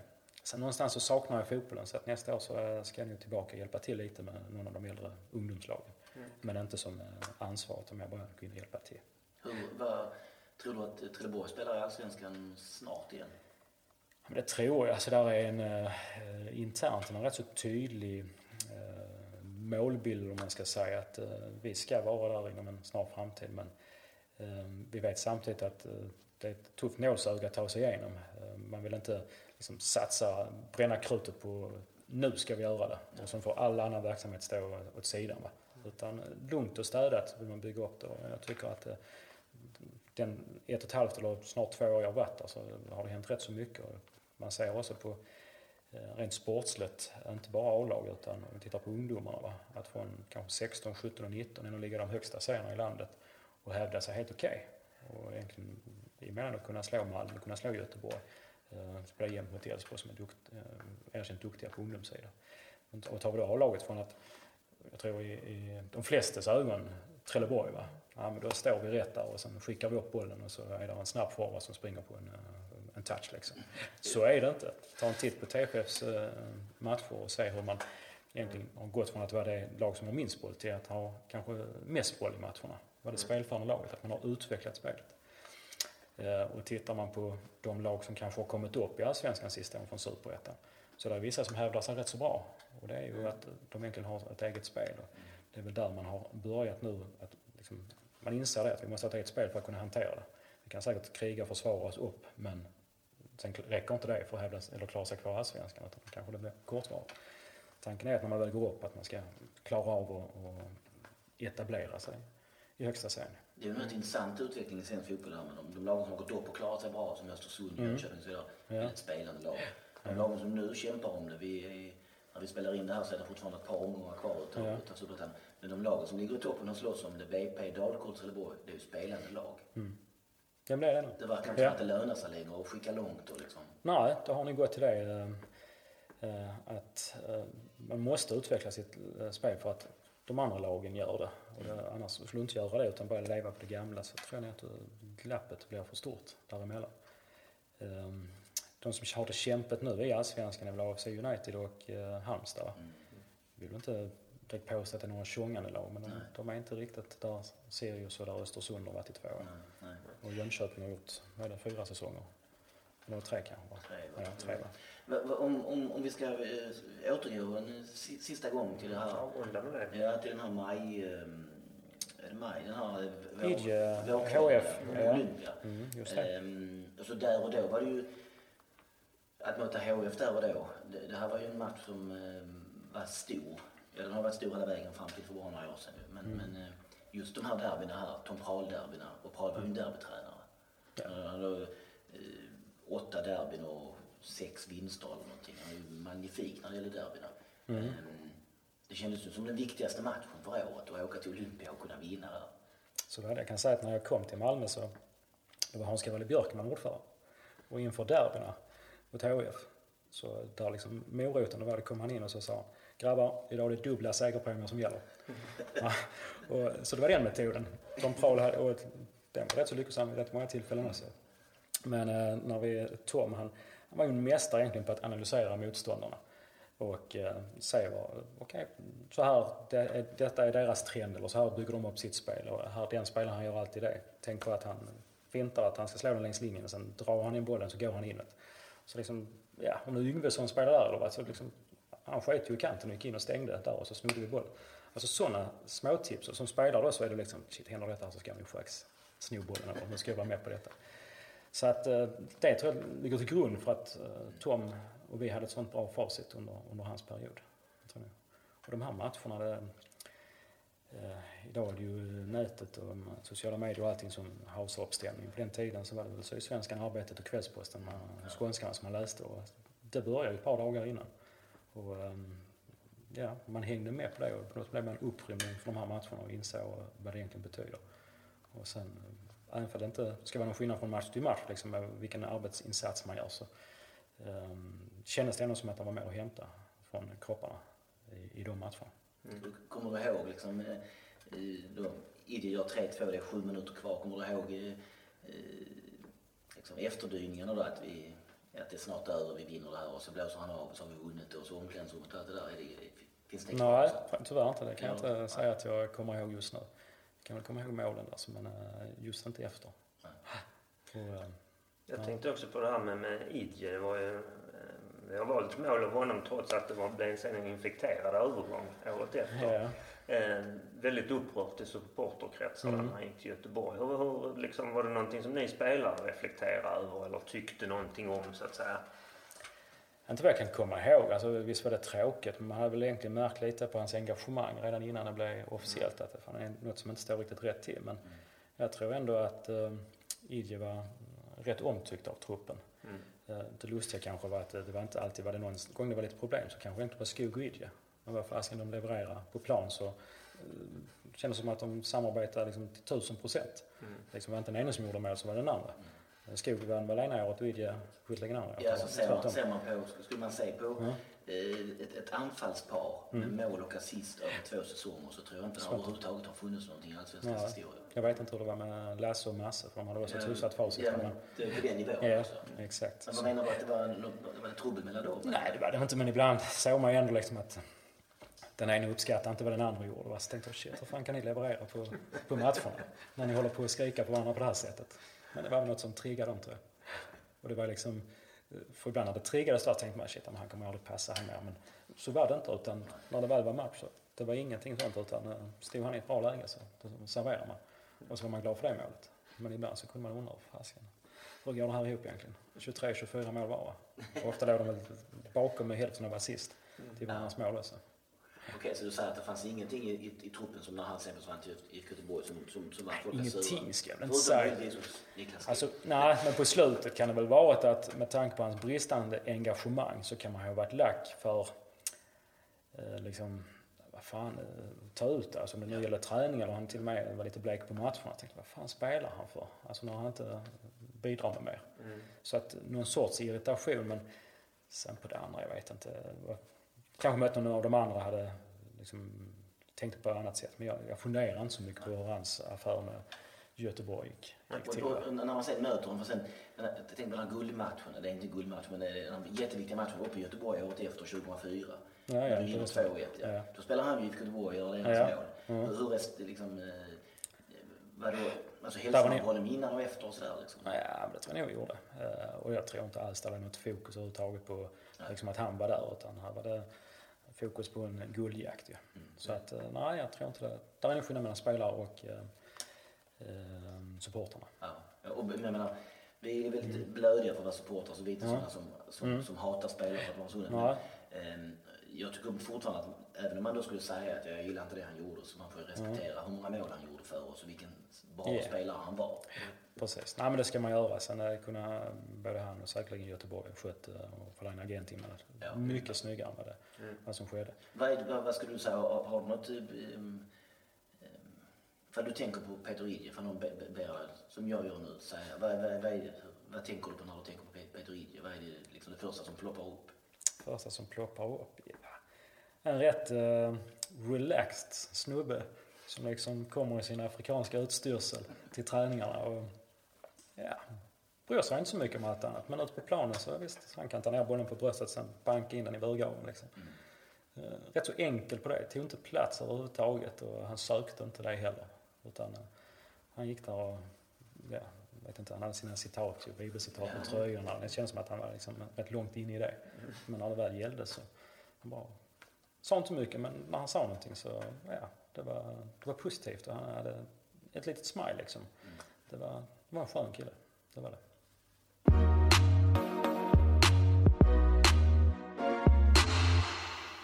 Afrikaner i Malmö FF. Peter Idje är ju från Nigeria. Och då undrar man ju vad har vi mer för afrikanska spelare hos oss under de här 25 åren? Ja, det är några stycken faktiskt. Jag har valt ut fem favoriter från fem olika afrikanska länder. Och undrar om ni minns dem alla. Mike Owusu, född i Ghana, som var hos oss mellan 96 och 99. Han kommer du ihåg? Ja, ja klart. Eh, vidare sen bland annat i Örgryte. Eh, Yusuf Elanga såklart, från Kamerun. I Malmö FF från eh, 2001 till 2005. Och sen igen 2010. Stor profil. Eh, Raoul Kouakou som var från Elfenbenskusten. Ehm, kom till oss 2005. Gjorde väl ingen riktig succé. Om vi sträcker oss och säger det. Eh, Jimmy Dixon från Liberia som vi köpte från BK Häcken 2007. Stannade fram till 2009. Eh, Och så har vi Samuel Barley från Sierra Leone. Som var hos oss mellan 2004 och 2007. Utlånade en hel del och inte heller någon riktig Nej, fick nöja sig med, succé kan man säga. nej, fick nöja sig med inhopp mest. Eh, en som jag tycker saknas är Edvard Ofere. Ja, där har vi en. Eh, också från Nigeria. Ehm, och Richard Oteng Mensa. Mm. Benjamin Fadi. eh, Bonke Innocent som vi har idag i truppen till exempel. Så att det, det finns ganska gott om afrikaner i, i, i Malmö FF. Men eh, Adu. där, har vi, där har vi en till. Ja. Ska, ska, vi, ska jag... Min favorit av alla afrikanska spelare i Malmö FF. Josef Elanga. Och Henrik, säger jag. Ja. Ja, jag, jag måste säga att jag, jag tycker Edvard Ofere var på något vis en... det var inte. Ja, det var inte alltid att han gladde en med sitt spel, men det finns så många Man hade åtminstone roligt på läktaren. Ja, men det finns så många underbara sekvenser liksom så med, med hans skriande felträff mot Helsingborg som blir mål när vi vinner 3-1, vilket år det är, 2006 eller 2007.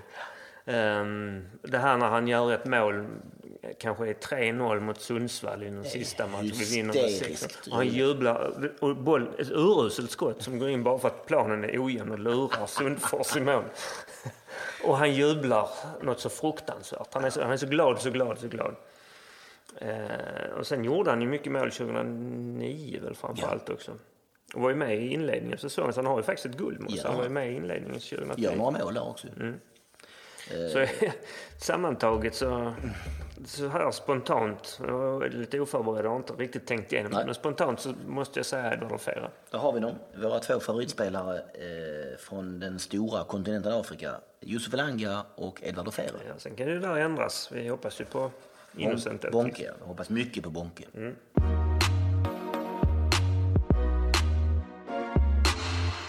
Kluriga frågan. Det är dags igen. Här kommer en klurig fråga till en eh, lätt nervös och helt oförberedd Henrik. Eh, förra gången gick det jättebra. Där klämde du Jago Fernandes ganska snabbt. Ja, jag fick tänka efter lite, men, men det, det, på något vis, det är en lätt fråga egentligen. Men, men ändå blir det... Ja, jag har varit inne på det här många gånger förut, att det blir lite scenskräck. Liksom. Ja. Men eh, du fick rätt och inga ledtrådar behövdes användas. Nej, precis. Då är det dags. Eh, säsongen 2002 så har vi tre olika spelare som eh, från start bär kaptensbindeln. Det är ju möjligt att någon av dem blir utbytt i slutminuten och någon annan får ta över kaptensbindeln. Det har jag inte räknat med. Utan vi har tre stycken spelare som startar då. Eh, som vid start får bära kaptensbindeln. Ehm, vilka är dessa tre? Ja, det är ju Mattisson. Korrekt är den första. Han bär kaptensbindeln 22 utav de 26 matcherna. Okej. Ja, det är nästan alltid han alltså. Ja, och då undrar man ju då, det är ju det, det viktigaste här att ta ställning till. För jag tänker mig att två av tre ger rätt. Vem är då liksom vice kapten? Där är, vid tre tillfällen så kan inte Mattisson spela. Ja, då är det en annan som tar över binden och bär den. Det borde då vara... Ja, jag bara tänker här nu, 2002. Eh, Det är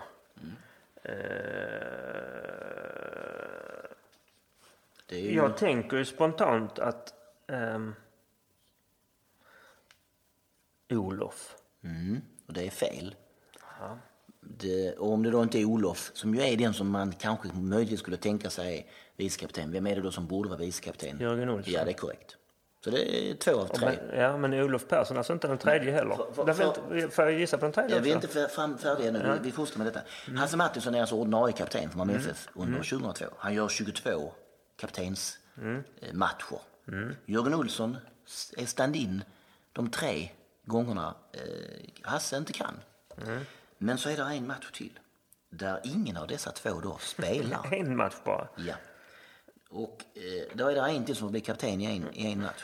Och, och, och den är väldigt svår, så jag ska fortsätta med lite ledtrådsaktigt för att det ska Ja, gå. okej. Du har ändå lite halvt godkänt på den här för att du tog dem båda två. Ehm, eh, jo, Mattisson är kapten i den här matchen som vi pratar om, HF 3-2.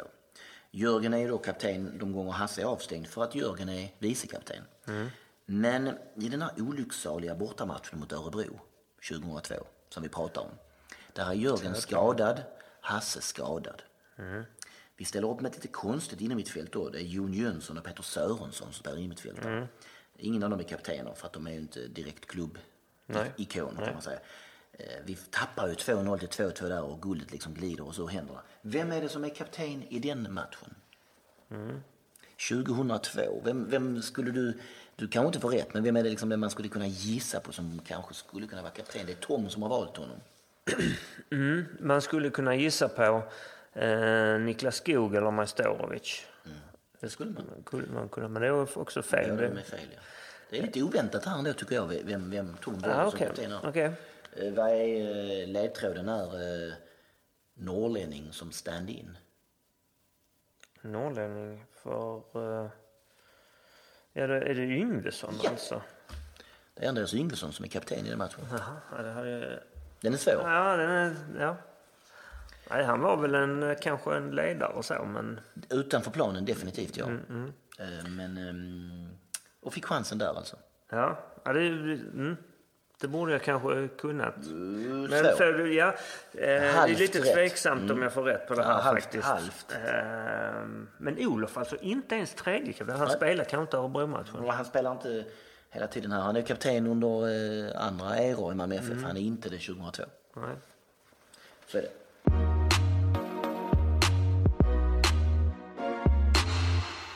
Mer om målskytten. Peter Idje, han var ju faktiskt inte ens första valet som forward när den här säsongen startar utan det är ju snarare Niklas Skog eh, tillsammans med nyförvärvet Yngvesson, som man får, Andreas Yngvesson, som man får säga är första valet som forwardspar. Eh, och bakom dem fanns ju både Mats Liljenberg och en eh, ung Marcus Rosenberg. Just det. Så Idje sitter inte ens på bänken i premiären mot Djurgården. Eh, men sen är Skog och Yngvesson indisponibla i andra omgången mot Norrköping. Då startar Idje. Han tar chansen. Eh, han gör två sena mål eh, och de blir så småningom 24 det här året. Och det är ju trots att han då inte spelar premiären. Han blir också utvisad mot Hammarby för två matchers avstängning. Så per spelad match snittar han mer än ett mål. Sen bryter han mellanfotsbenet under försäsongen 2003. Eller bryter, han får en fraktur på det. Man bryter kanske inte mellanfotsbenet. Eh, och är inte tillbaks det året förrän mot Halmstad i tionde omgången. Då gör han mål direkt. Det är också ett av de härligaste målen man sett som man skulle kunna vara med på en sån här lista. Och jag har ju ett tydligt minne av att du, när det här sker, du skrattar rätt ut. Liksom. Skrattar bara av ren glädje. Ja, det var verkligen fantastiskt. För att han hade varit borta så länge och sen skulle han ju vara tillbaka till den här matchen. Ja, han kom väl in i paus? Han kommer in i paus och jag minns det så himla väl för att det blir liksom superstirret i Halmstad när de plötsligt inser att de ska byta in handen där Peter Idje. Som att liksom eh, eh, så bra är han väl ändå inte liksom, så att det ska orsaka fullskalig panik. För de leder den matchen med De leder matchen 1-0. 1-0. Ja. Så kommer han in och så nästan direkt liksom löper han igenom och tjoffar in den 1-1. Ja, det var verkligen... Jag, jag, minns också ett av de målen jag verkligen har snarare skrattat än jublat. Mm. Och sen avgör Niklas Skog Skog, ja. sent på någon retur. 2-1 vinner vi. ja. Ehm, han är ju faktiskt en av de allra bästa anfallarna som man har sett i vårt lag under de här 25 åren. Det måste man erkänna. Om, om, om man tänker på honom som en striker. Ehm, snabb, s- säker i bollmottagningen och så dödlig framför mål. Fick han chansen så var det mål. 60 matcher, 38 mål för oss. Det är ett bra facit. Eh, och så är det då, eh, jag håller honom väldigt högt, många håller honom väldigt högt, men sen kommer ju avslutningen Då. han går till IFK Göteborg under, eh, ska vi säga, eh, lite simpla former. Eh, och, det, och det förmörkar ju hans tid lite grann hos oss. Men jag måste säga att jag minns honom med glädje. När jag ser, ser tillbaka och när jag eh, s- ser om målen och sånt så blir jag glad. Ja, absolut. Han gladde ju en verkligen på läktaren med, all- med den här förmågan att göra mål.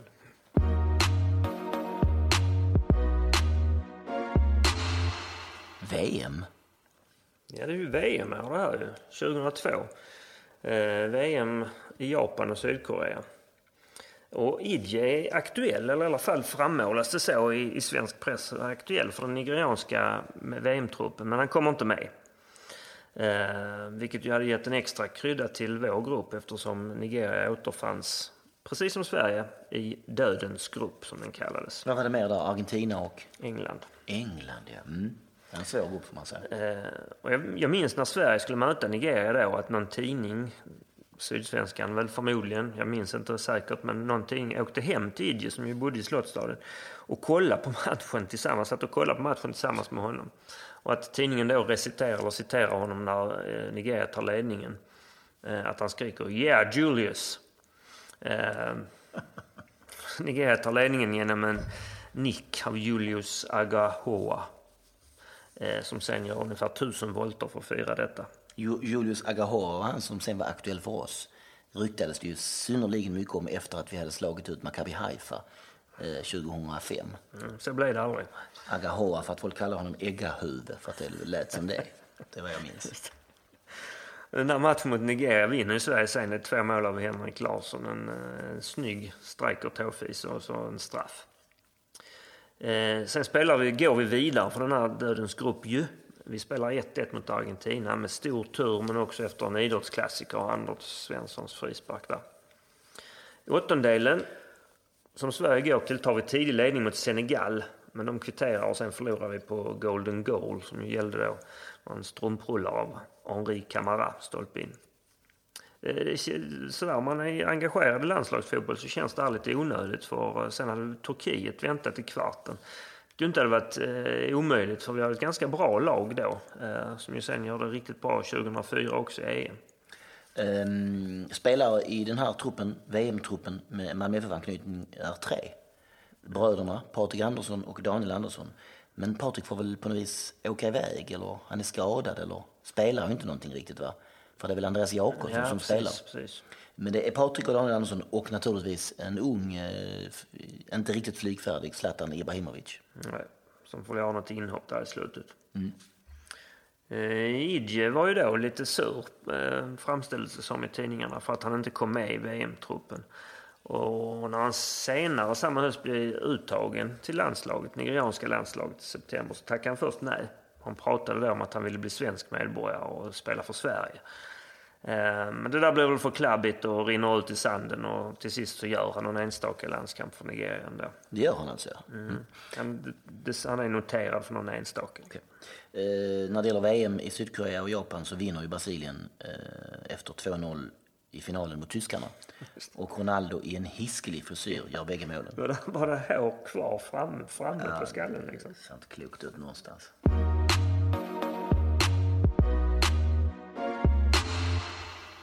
Erik Johansson. Peter Idje han gjorde musik under namnet Idje P. Eller Idje P då kanske. Och det finns filmklipp där han jammar med vår högerspringare på den tiden, Samba Erik Johansson. Som ju var en sympatisk göteborgare med lite sorglös framtoning och han kallades Samba-Erik eftersom han hade tillbringat tid i Brasilien. Det var en jätteintressant historia. Han bröt upp från skolan som väldigt ung, var ett helt år i Brasilien. Mm. Spelade med ett lag som heter Bragantino. Ja, liksom fattigt. Han, han beskrev det i intervjuer vet jag som att det var ris och bönor i ett år. Mm. Modigt också. Mm. Efter karriären? Just det. Då, eh, efter att eh, han hade slutat med fotbollen på det vis. För att efter oss försvann Erik Johansson till Hammarby, eller hur? Mm. Men då, då, då, då, startade han någon eh, form av fotbollsskola med brasilianskt tema. Eh, och sen läser jag mig till nu så här i efterhand att han, att han har just en samba fotbollsskola, nu är det i Stockholm igen han är tillbaka mm. i, som heter Samba Football Academy. Där är det här att man ska spela på brasilianskt mm. vis och det är resor till Brasilien. Ja. Mm. Uh, ja. Han, han var hos oss 2001 till 2003, så alltså hans andra säsong. Han kom från Örgryte och han gjorde en del mål och poäng. Eh, men, men det känns ju inte som han var någon riktig Pral-favorit. Jag vet att Pral hade något smeknamn på honom som, som, som liksom gick ut på att han körde själv. Eh, alltså typ här titta ner i marken. Det var inte det, men, nej, men nej. någonting i den stilen. Jag kommer inte riktigt ihåg det här. I den här matchen vi pratar om eh, och anmäler här, 3-2 mm. borta mot Helsingborg, så mm. kommer han in, mm. inhoppare. Mm. Och det var ju så det var ofta för Erik Johansson. Ja. Han var ojämn, ja. men han kunde också vara riktigt bra när han var bra. Några fina mål. Mm. Uh, och jag läste, minns att jag läste i Expressen 2013-2014 att han hade allsvenskt rekord i, i den spelare som alltså gjort flest allsvenska inhopp. Mm. För att han var ju ofta satt på bänken men fick hoppa in. Mm. För att han var väl, kunde väl göra någonting i slutet av, av, av matchen, spela fram eller möjligtvis göra mål. Så det, det, var i alla fall då ett rekord. Mm. Jag vet inte om det är någonting att skryta om, men så var det i alla fall. Ja. En, en konstig detalj är att han under det här året så eh, var han på mitt jobb som jag hade då. Eh, han hade praktiserat inom grafisk formgivning. Eh, så han var där på kontoret någon dag i veckan. Och han var ju alltid väldigt glad för sådär. Det kändes absolut inte som han störde honom när han pratade fotboll. Utan det var snarare han som höll samtalet igång då. Han var väldigt social sådär. Att han märktes att han var inte riktigt komfortabel när det blev för tyst och alla satt och jobbade. Det var ju öppet kontorslandskap. Utan han ville mm. prata liksom. Ja. Jättesympatisk verkligen. Åkte skateboard gjorde han också. Och som du sa, gick till Hammarby. Gjorde mål mot oss i 4-3 matchen 2004. Där han inte alls firar på ett väldigt mm. respektfullt vis. Mm. Och det kan vi möjligtvis eh, komma, få någon anledning att återkomma till eh, någon annan gång. Mm.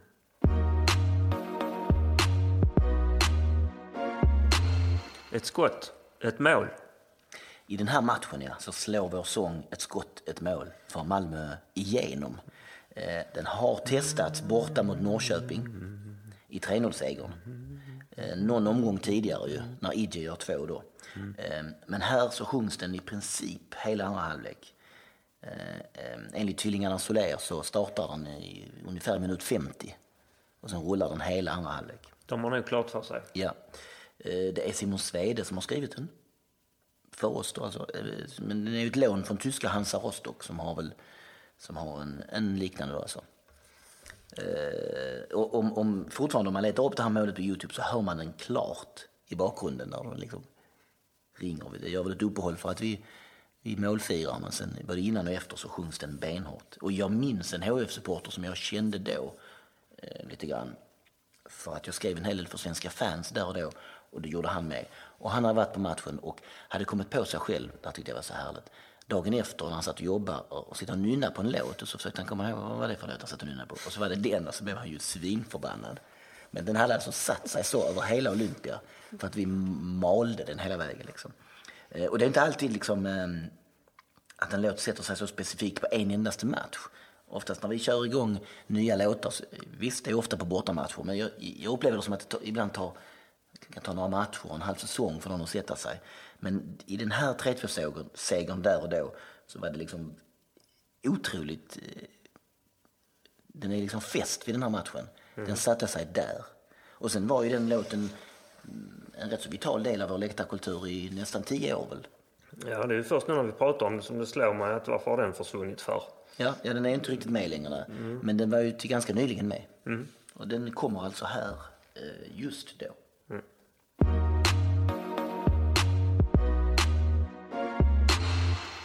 Skattefuskare. Den girige, ja. ja, det, det, det kommer ju en hiphop-låt, får man väl säga då. Eh, apropå hela den här övergången till IFK Göteborg efter säsongen 2003 av eh, gruppen som kallar sig Norra Läktaren. Eh, allting har ett pris och du lät dig överbjudas. För oss är du ingen Jesus mer, bara en simpel Judas. Usch, det är hårda ord. Uh, IG går alltså till IFK Göteborg. Uh, inför säsongen 2004. Uh, och där presenteras han under pompa och ståt och rökmaskiner på en teater med Lasse Kronér som konferencier. Ja, det, det är en otroligt göteborgsk tillställning där ja. IG kommer upp med, eh, med eh, nummer 100 på ryggen mm. och en sån här kondom över huvudet. Alltså hiphopmössa. Ja. Eh, det sägs ju att han hade bud från Förenade Arabemiraten som ju såklart var säkert mer ekonomiskt lukrativ, lukrativare mm. i så fall. Men han valde IFK Göteborg istället och en av anledningarna eh, var att han hade släkt där uppe. Eh, det var en affär som gjordes upp redan under sommaren 2003 och alltså Mattisson var ju också inne på det här med engagemanget. Och det är väl kanske främst det som känns lite suspekt och tråkigt men Eh, vet ju också att det dök upp allehanda hot mot honom och sånt. Och det känns ju kanske som det var, eller inte kanske, Nej. utan det är ju övermaga. Ja. Det, det, visst, det var trist att han lämnade till en ärkerival och det var inte de bästa formerna. Men, men någonstans så gick det väl lite överstyr här. Och ja, gjorde. Man hotar mm. inte egna Nej. spelare. Nej. Ja, inte andra heller för den delen. Nej.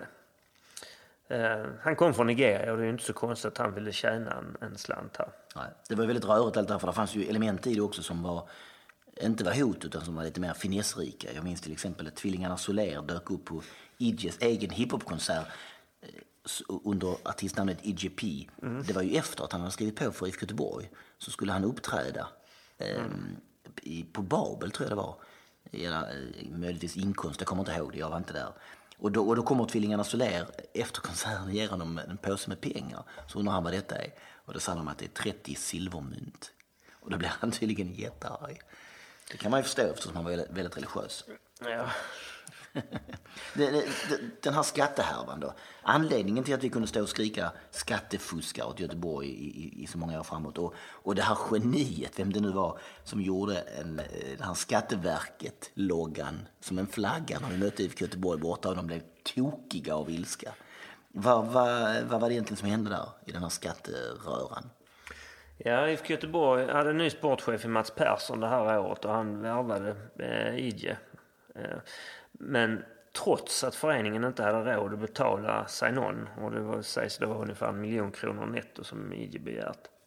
Och lösningen som man då kom på här i Göteborg det blev att en man som heter Janne Nilsson, kallas för Janne Plånbok Nilsson, gav Idje aktier för, som var värda drygt 1,2 miljoner.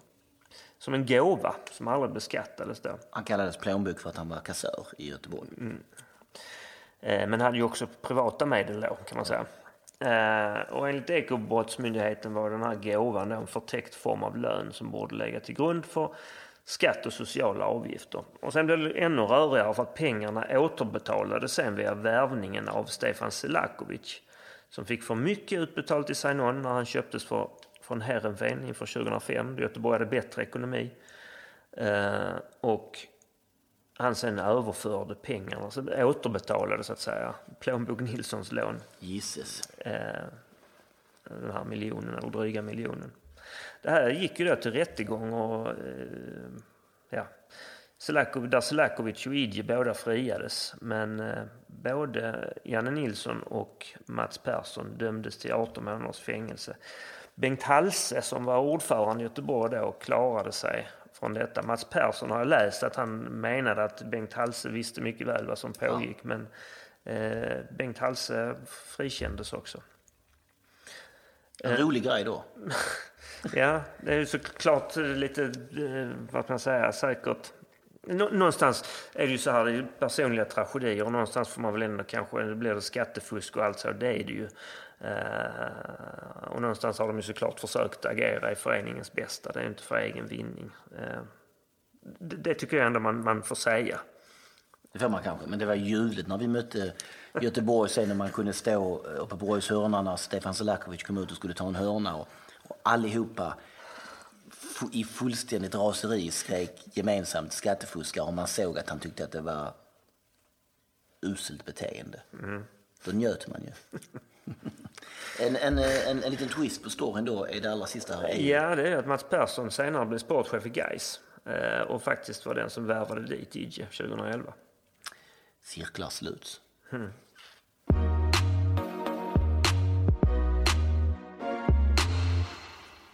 Motståndare? Radde Pritsa. Ja, Radde gör 2-2 målet i den här matchen. Det där oändligt fula. Mm. Klubb, klubbmålet. Eh, anfallare kom till HIF inför säsongen 98. Stannade där till 2002. Sen är han i Hansa Rostock, svenskklubben. Mm. En skjuts, en för Hansa. Precis, i fyra säsonger. Ehm, därefter är det Ålborg, Sunderland, Rosenborg där han gör eh, mycket mål. Och sen Maccabi Tel Aviv där han vinner ligan och öser i mål. 2015 är han tillbaka i HF en kort sväng. Det här minns inte jag, men så är det. Ja, alltså det, det var ju lite också en sån här profilvärvning. Lite, inte kanske frälsarstämpel, men, men lite åt det hållet i alla mm. fall. Men, men han var skadad, står det i, när man läser ja, på. Ja, och det blev ju aldrig någonting Nej. liksom. Sen varvar han ner i Landskrona Boys, men kan inte spela mycket där heller på grund av skador. Eh, 14 landskamper, två mål. Mm. Um, och många mål i nästan alla lag han spelat i. Mm. Notorisk målskytt får man kalla Radde. Jag minns ju att han har spelat tillsammans med Zlatan och Zlatan i en intervju efteråt mm. konstaterat att Radde blev trött. Radde blev trött. Mm. Um, jo, jag stötte på Radde Pizza i år efter en hemmamatch. Med Malmö FF alltså. Mm. Och snackade med honom en stund. Han är ju tränare med MFF nu. Han gick omkring där i MFF-jacka så jag var tvungen att, att stanna honom. Han tyckte det var roligt bra. Hans son Tim spelar ju en av de mest lovande ungdomsspelarna. Ehm, känns lite konstigt men samtidigt på något vis lite skönt när gamla rivaler liksom dyker upp i klubben. Antingen då själv eller genom sönerna. Ehm, mm. Och, nu har vi pratat så illa om hans mål, hans, men det är ju ett fult mål. Det är ett jättefult mål, men mm. han var ju en duktig målskytt i, i, i övrigt. Men ja. jag, jag, frågade honom hur det kändes att bära MFF-tröja när man mm. ändå är HIF och har gjort mål på oss och så vidare. Och se bägge sina söner, för han har en annan son som jag tror heter Liam, det är jag inte helt hundra på, som också spelar i Malmö FF. Jag, jag, frågade honom hur det var att se bägge sönerna spela i Malmö FF, men han var rätt så um, han var rätt rak där och vi viftade bort och sa att det är sån enorm skillnad mellan de här klubbarna nu att han kan inte sätta sina barn i, i Helsingborg. Och det kändes ju ännu bättre. Ja, det är ju det är ett bistert betyg. Ja, det är det. Um, våra rivaler. Ja, och, och det, han var en trevlig prick och vi pratade en bra stund.